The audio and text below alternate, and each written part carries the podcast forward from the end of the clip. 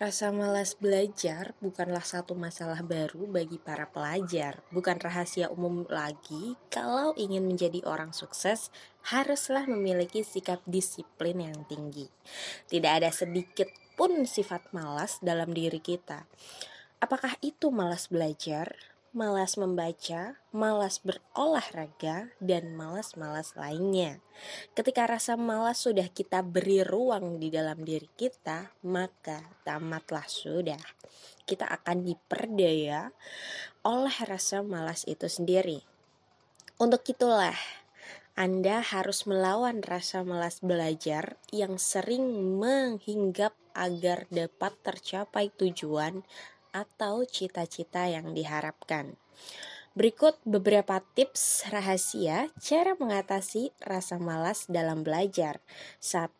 Menentukan tujuan tertulis.